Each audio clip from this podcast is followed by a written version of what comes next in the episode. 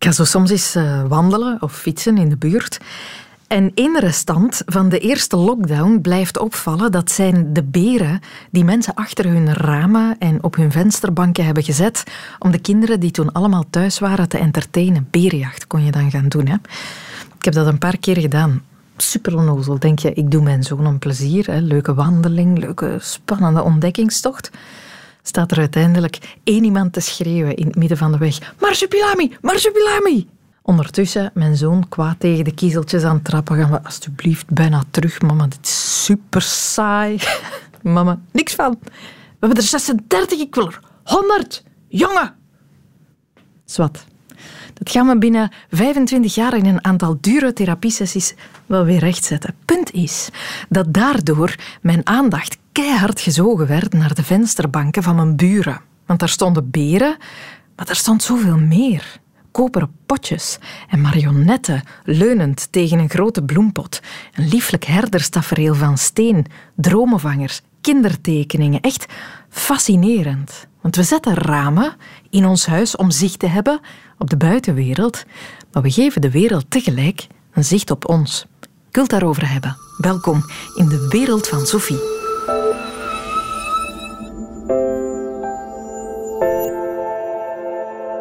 In diezelfde periode was het kunstenaarsduo Di Nicolai en Provoost ook op stap en werden zij ook getrokken naar de vensterbanken van mensen en wat daar allemaal op verschijnt.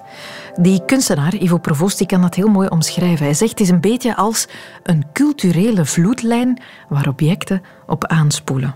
Dat vertelde hij tegen Wart Bogaert. Die zocht hem op omdat ze 25 van die vensterbankvondsten tentoon hebben gesteld in het smak, in de tentoonstelling eyeliner. Ivo, ik moet dat bekennen. Ik doe dat ook. Zo binnengluren, hè? Ja, dat is plezant, hè? Ja, we doen dat heel graag. Uh, ja, dat project dat begint zo door gewoon in de straten te gaan wandelen en kijken naar de vensterbanken. En uh, eigenlijk is, is er sprake van een vensterbanklijn. Een vensterbanklijn. Twee per straat, één aan de linkerkant en één aan de rechterkant. Ah, op die manier, ja. En we zijn daarna gaan beginnen kijken, zo, zoals je kijkt naar een vloedlijn. Culturele vloedlijn waar objecten op aanspoelen, op een of andere manier. En, uh, en dan zijn we gaan kijken naar welke objecten worden eigenlijk echt getoond. Welke objecten worden eigenlijk echt tentoongesteld, zoals wij tentoonstellen.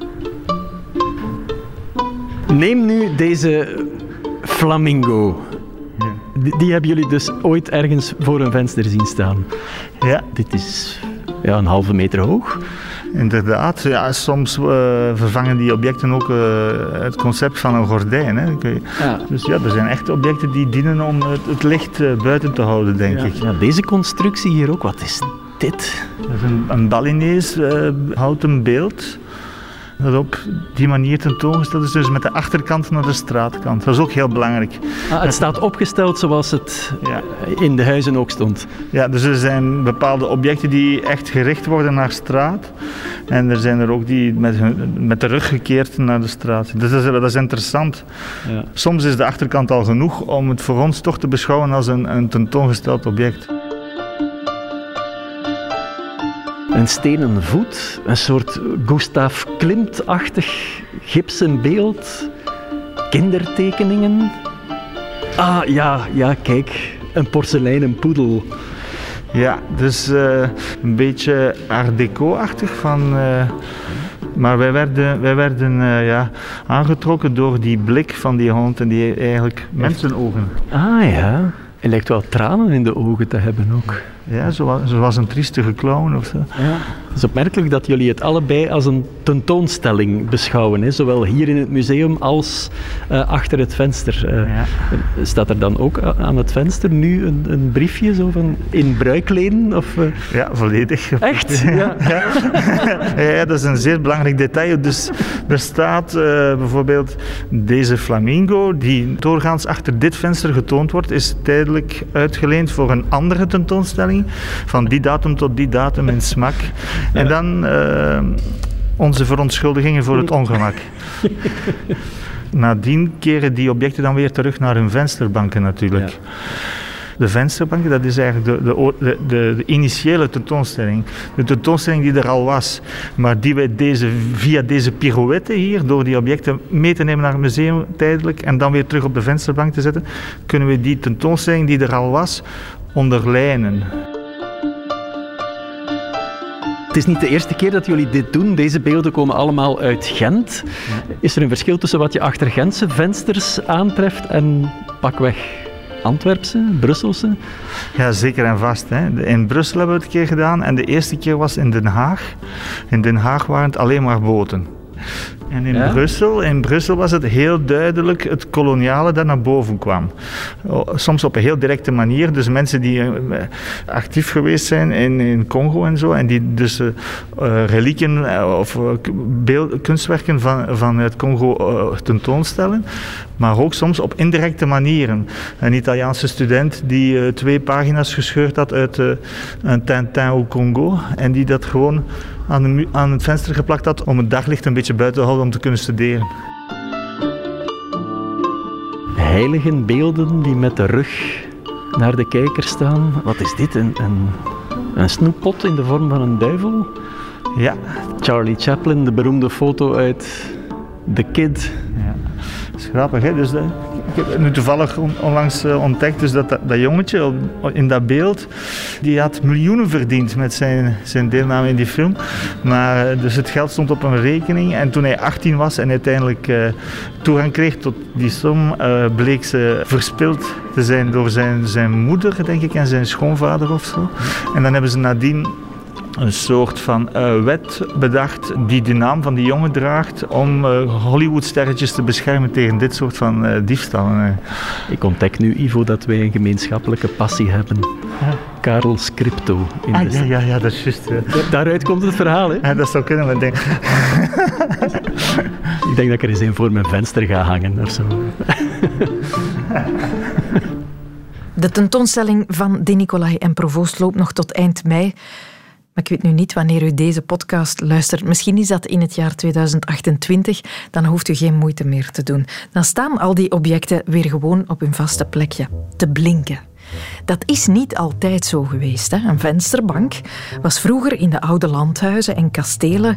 Dat was echt een bank, een zitplek bij het raam, waar de chique dames dan hun handwerk deden, omdat ze daar het langste en het beste licht hadden voor die fijne bezigheid.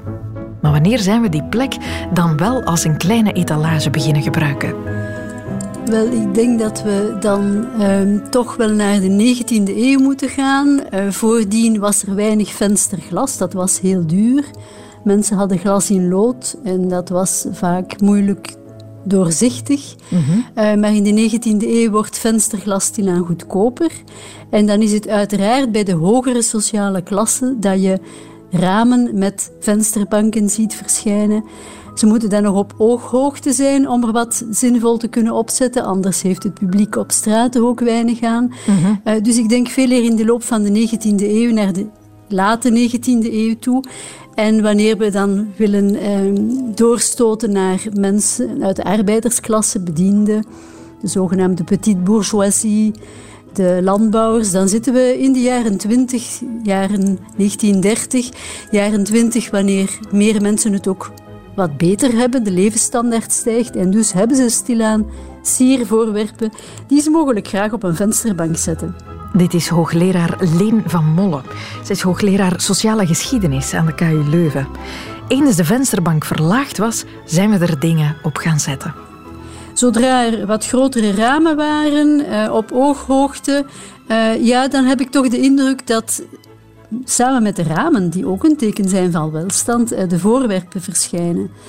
Ik wil misschien even toevoegen, in de 19e eeuw moesten we in België, ook in andere landen, patentbelasting betalen op wat ze noemden uiterlijke tekenen van welstand.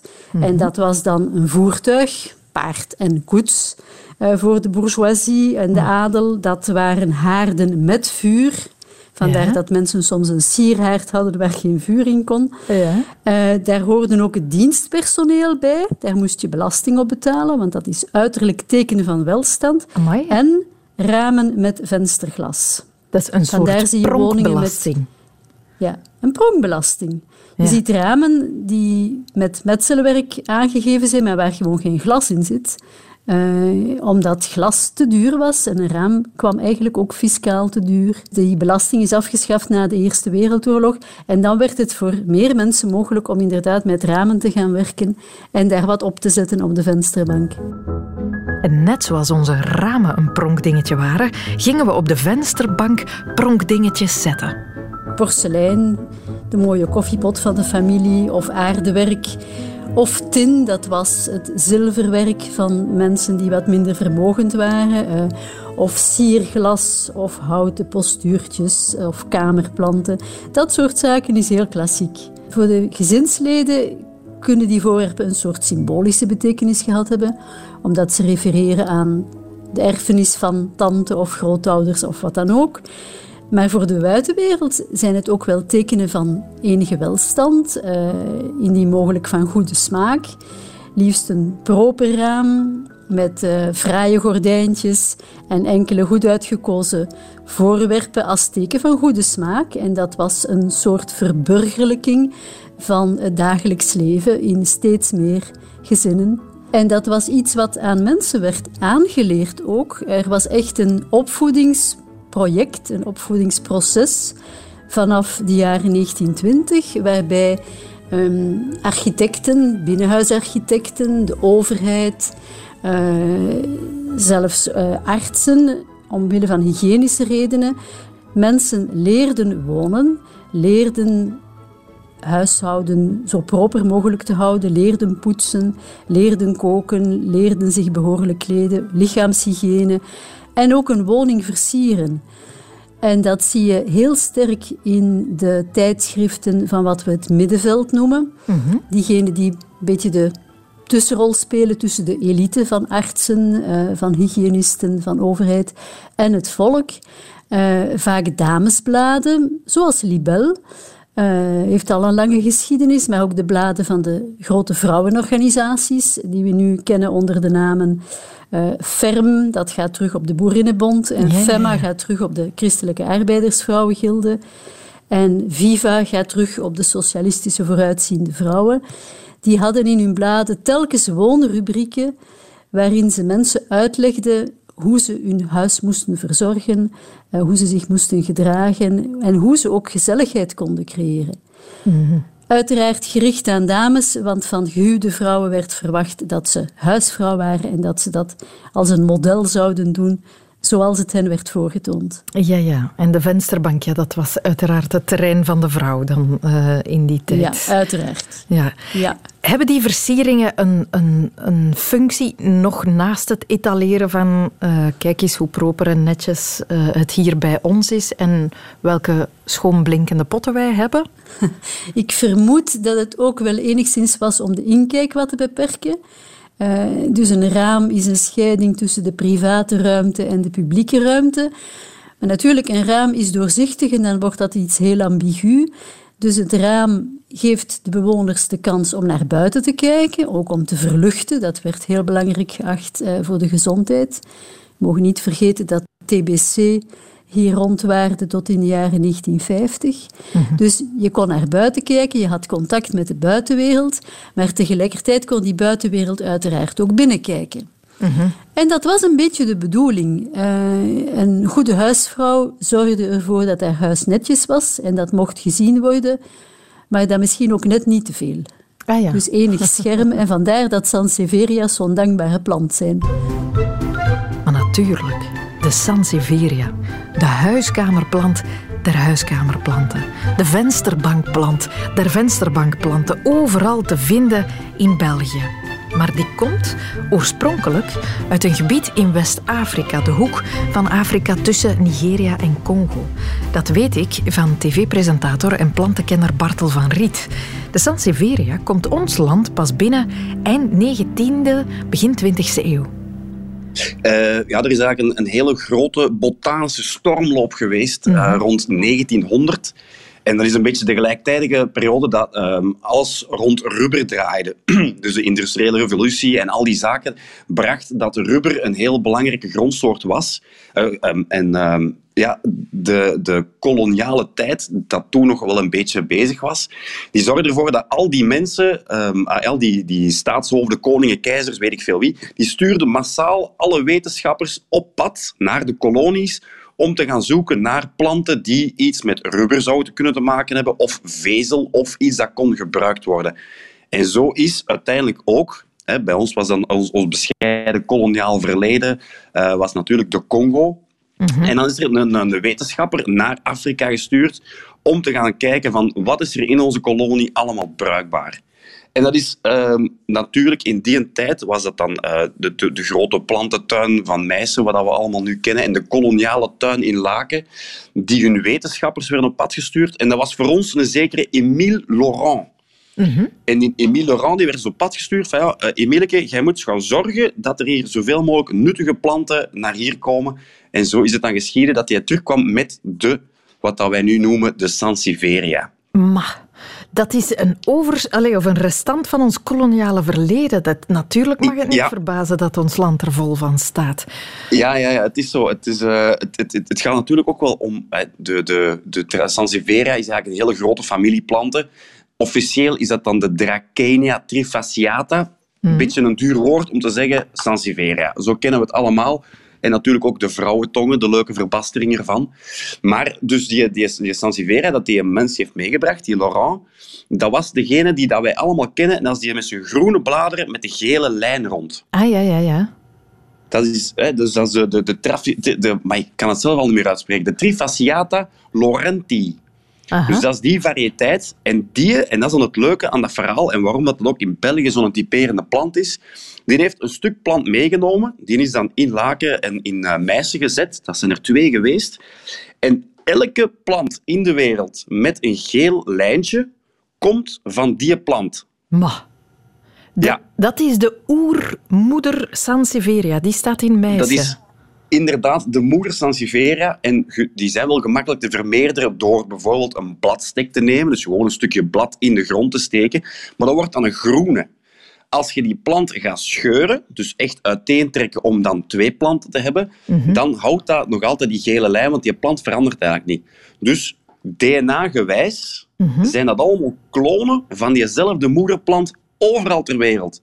Wow. Dus mogen we echt zelf zeggen dat die Sansevieria toch wel een beetje Belgisch erfgoed is. Ja, amai, wauw. Ja, ja, toen ik het ontdekte, had ik ook zo van, amai, wat een leuk ding is dat nu. Ja. Maar nu vraag je natuurlijk af, ja, waarom moet zo'n plant ineens dan overal ter wereld te vinden zijn? Ah, wel, het is bleek dat uiteindelijk, ja. ja. bleek uiteindelijk dat, dus er zit in die plant een hele sterke vezel. Ginder, in de Congo gebruikten ze dat om de pijl en boog van te maken. Dus die pees van dat, van dat boogje, dat was van die plant.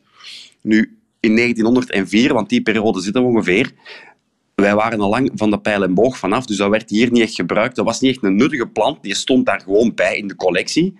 Maar de directeur van de plantentuin van Meissen, en dat is ook een Emiel, maar een zekere De Wildeman, mm die heeft toen gedacht, potverdekken, misschien zit hier wel commerciële waarde in, puur als esthetische plant om in de huiskamer te zetten. En zo is dus effectief vertrokken. Die plant is vermeerderd en is gecommercialiseerd. En op die manier heeft hij eigenlijk vanaf 1904 zijn intrede gedaan in de Belgische huiskamers. Maar lissig. Het is ook wel een plant, we hebben er hier een op de redactie staan, die super gemakkelijk overleeft. Hè. Die kan je in de zomer uh, aan zijn lot overlaten en in september terug ja, ja, water geven. Dat komt allemaal goed het is zo de plant waar ze zeggen, die mogen dat eens verwaarlozen. En daarom dat die ook zo gemakkelijk en natuurlijk zo populair is geworden. Mhm. Iedereen kent wel het fenomeen van die rosse dode plant op de kast van achter, die dat dan toch waar vergeten is. Mm Bijna Sansevieria maakt dat niet uit. Ja. Eén keer in de maand een beetje water en die kan perfect overleven. Dus dat is... Uh, ja, mhm. uiteraard heel gemakkelijk. Zou die buiten kunnen overleven of is die daarvoor toch niet uh, bestand tegen ons klimaat? Nee, ja, ik heb het getest. Uh, een klein beetje te koud en dan, uh, dan verwatert die, die verglaast zo precies. Dus die gaat wel effectief kapot. Uh, Daar is niet veel mee te doen. Maar natuurlijk, in, in een serre, als die wat verwarmd is of die wordt wat constant gehouden in temperatuur, dan kan het wel en komt hij zelf eigenlijk gemakkelijker in bloei. Mm, die kan bloeien? Ja. Ja, ja, dat is een betrekkelijk indrukwekkende bloem zelfs, die dat heel zacht zoet ruikt.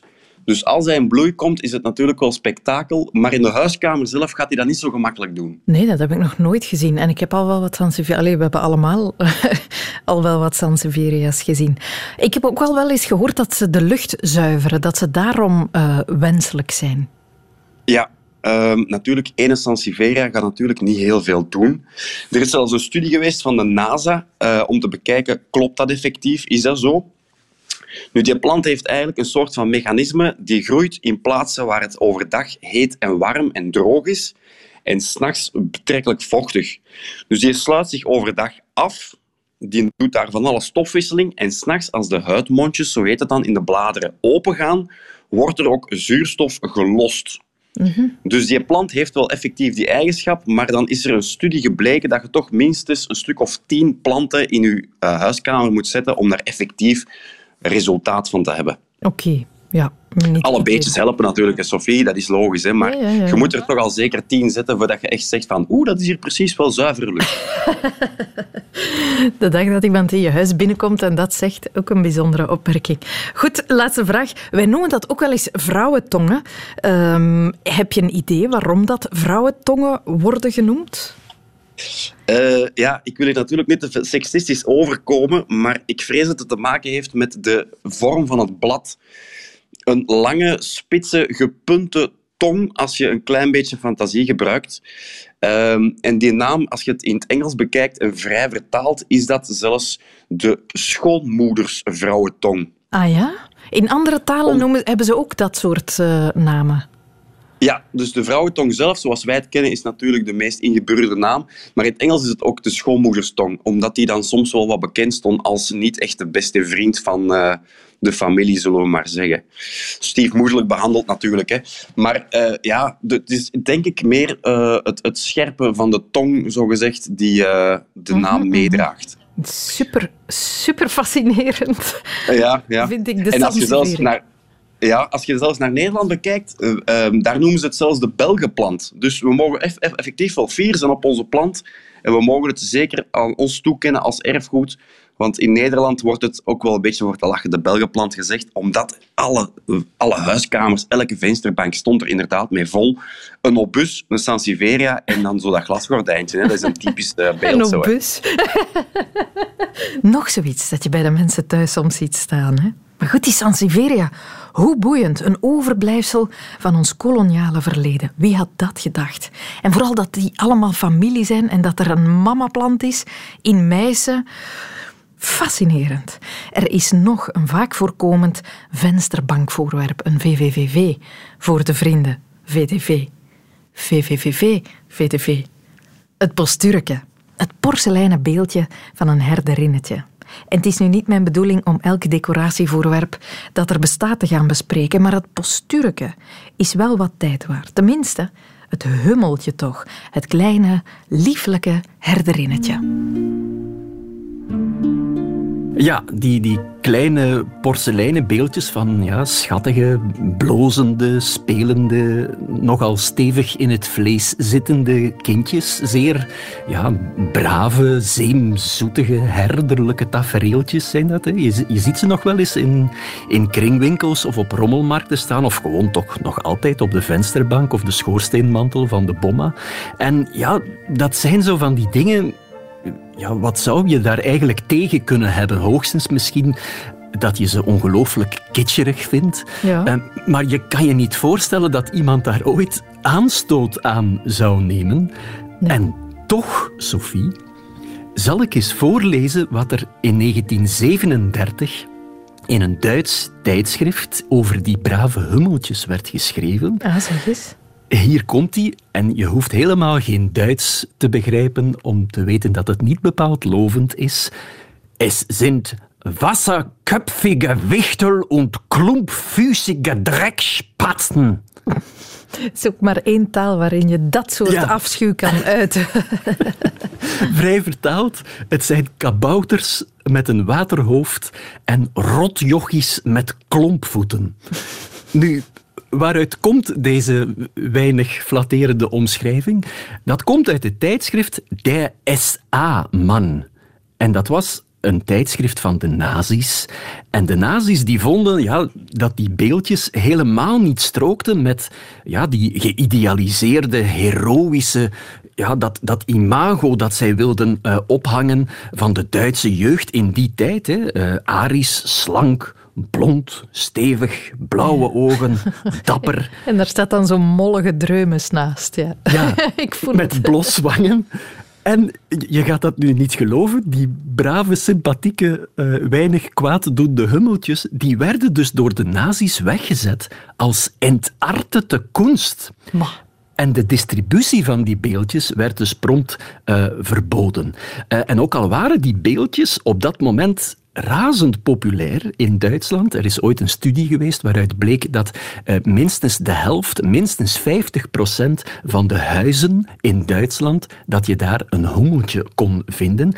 Uh, dus ah ja, die zeggen waren... hommeltje. Nog schattiger. Hommeltje, ja, ja, ja, ja, ja. ja. Uh, en daarover heb ik het straks trouwens ook nog over die naam. Maar dat is, dat is ja, dat moment in 1937, dat is toch, ja, moeten we zeggen, het grote drama geweest in het leven van die brave hommeltjes. En ook, en nu komen we, van de kunstenares die die hommeltjes, en nu zeg ik heel bewust hommeltjes, bedacht heeft. Want, Sophie, mm. hommel, dat woord, dat is een eponiem. Ah, ma, zoals sandwich. Uh, wel, die beeldjes zijn dus inderdaad genoemd naar hun maker, naar hun bedenker, mevrouw Hummel. Bertha Hummel. Bertha Hummel, oftewel zuster Maria Innocentia Hummel. Maar alleen, ik dacht dat dat gewoon omdat het, het ziet eruit zoals, zoals Droepie. Droepie, ja, dat is natuurlijk ook een... Je verward met de lummel misschien in plaats van maar zuster Maria Innocentia Hummel, dat was dus een non uit Beieren die gestudeerd had aan de prestigieuze Staatsschule für angewandte Kunst in München. Maar in 1931, toen ze afstudeerde, heeft ze niet gekozen voor een carrière als kunstenares, maar ze is ingetreden in het klooster van Ziesen. Uh, ze mocht daar dan tekenles geven in een uh, lokale lagere school. En van begins af aan is ja, die typische taferelen beginnen tekenen. Spelende kinderen in, ja, in alledaagse settings. Hè. En de nonnetjes van dat klooster, ja, die zagen daar brood in. En ze publiceerden die tekeningen in boekjes. Eh, ze maakten er postkaarten van, die ze dan verkochten. En dat bracht dan inkomsten op voor het klooster. En het is in een winkeltje, in een krantenwinkeltje in München, dat op een goede dag in 1934 een baas, een zaakvoerder van een porseleinfabriek, meneer Frans Geubel, die postkaartjes met die tafereeltjes van Maria Innocentia Hummel, die heeft dat daar gezien. En die, die man die heeft het idee gehad om die tekeningen om te vormen tot porseleinen beeldjes, zoals we ze nu vandaag nog altijd kennen. En dat was meteen, moeten we zeggen, een absoluut schot in de roos. Er, er, zijn in de loop van de tientallen jaren een stuk of vier, vijfhonderd verschillende ontwerpen gemaakt. In 1935 al, meteen na het ontstaan dus van die beeldjes, is die meneer Gubbel met die beeldjes naar de uh, beroemde eeuwenoude Leipziger Frühjahrmesse getrokken, waardoor ze ook al heel snel internationaal uh, succes begonnen te krijgen. Ze zijn heel snel van in de jaren dertig al in Amerika beland. En ook daar waren ze een instant succes. Uh, na de oorlog in 1945 hebben heel veel soldaten, Amerikaanse soldaten, die beeldjes meegenomen naar huis, waardoor ze ja, tot op de dag van vandaag in de Verenigde Staten eigenlijk nog altijd de grootste Hummel-fanbase uh, zit. Um, er is in 1977 een internationale fanclub opgericht die 200.000 leden heeft in de Verenigde Staten en zo'n 60.000 in Europa. Elk jaar was er zelfs in de Verenigde Staten, elk jaar op een andere plaats in een andere staat, een groot Hummelfestival, uh, waar je je kinderen kon mee naartoe nemen en die dan inschrijven voor Hummel Lookalike Contests. Maar je houdt het niet voor mogelijk. Zeg, een Hummel pretpark, dat, dat ontbreekt nog. Dat ontbreekt nog. Maar bijvoorbeeld toen uh, Gerald Ford president was van de Verenigde Staten, wel, toen stond het hele Witte Huis vol met van die hommeltjes, omdat zijn vrouw Betty, Betty Ford, een van de grootste collecties ooit van hommeltjes uh, had. Dus het, het was een gigantisch succes, wereldwijd, die hummeltjes, al heel snel. Maar dat heeft zuster Maria Innocentia zelf helaas niet mogen meemaken. Waarom? En nu zijn we weer bij de nazi's. Hè? Mm Die mannen van de wasserköpfige wichtel en de klompfusige drekspatsen. Drekspatsen, ja. Drekspatsen, rotkinderen eigenlijk zijn dat. Hè? Wel, de nazi's die vallen in 1940 het klooster van Ziessen binnen en die doeken daar eigenlijk meteen de orde op. Er zijn nog een stuk of veertig uh, nonnen die mogen blijven, maar dat is in, ja, in erbarmelijke omstandigheden, in amper verwarmde cellen met weinig eten enzovoort. En dat heeft er vermoedelijk mee te maken dat zuster Maria Innocentia in 1945 eerst pleuritis en later TBC oploopt. En ze sterft in 1946 al op amper 37-jarige uh, leeftijd. Ja. Maar haar beeldjes... Ja, maar haar beeldjes zijn dus blijven bestaan. Uh, de fabriek van Goebel is blijven draaien tot in 2008. En daarna is die hummelmanufactuur ja, verschillende keren veranderd van eigenaar. Maar ze worden dus nog altijd gefabriceerd, zij het in veel mindere mate dan vroeger. En vooral, ze worden voor heel veel geld verkocht. Ja, hè, maar je hebt zo mensen die dat toch nu nog steeds verzamelen, hè? Ja, ja, ja. En daar, daar, daar ligt het accent ook op tegenwoordig op die verzamelaars. En ik ben net nog even op Katawiki gaan kijken, de, de online veilingswebsite. Uh, En daar val je achterover van uh, hoeveel geld uh, ah, ja? nog gevraagd wordt voor die beeldjes. Een beetje afhankelijk van hoe oud ze zijn, in welke periode ze zijn gemaakt. Maar je ziet dus al snel dat daar, dat daar 600, 700 tot 1000 euro wordt gevraagd voor die beeldjes. Die trouwens nu, en dat is wel zeer grappig, hoe duf en saai ze nog altijd zijn, tegenwoordig hebben ze hippe namen. Ja? Je, je kan dus uh, eh, 600 euro betalen voor een Rockabye Century Hummel. Uh, of een Adventure Bound. Of een Stormy Weather Double Crown. Of The Worldwide Wanderers. Kijk, als je 600 euro uh, over hebt ergens, ik zou niet twijfelen. Voor een drekspats. voor een drekspat. Ja. Zou er alleen zijn met een mondmasker? Dat vraag ik me af. Ja. Het is plezant om te zeggen. Drekspats. Wasserkopfige. Drekspats. Waarom we Duits altijd zo raar uitspreken, daar moet ik ook eens een podcast over maken. Maar goed, ter afronding. Het lijkt erop dat de functie van onze vensterbankbewoners een beetje verschoven is. Waar we vroeger vooral onze welstand wilden etaleren op de vensterbank, lijken we er nu meer onze identiteit mee te onderstrepen. Een hummeltje voor het klassieke type. Of, kijk, ik lach al eens graag, dat zie je aan deze grappige aardappel met een sombrero. Die ligt te pitten tegen mijn bloempotje. Of kijk, pompoenen in de herfst. Ik hou van gezelligheid, ik hou van mijn gezin. Of kijk, een affiche van 111111. Ik ben begaan met de wereld. Toon me uw vensterbank en ik zeg wie u bent.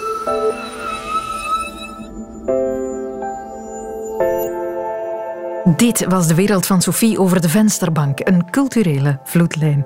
Zeker abonneren als je dat nog niet eerder deed. Of sterren geven, ook tof.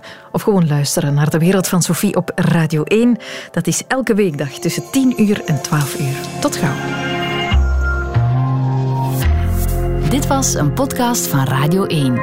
Ontdek nog meer podcasts van Radio 1 in onze app en op radio1.be. Radio 1 altijd benieuwd.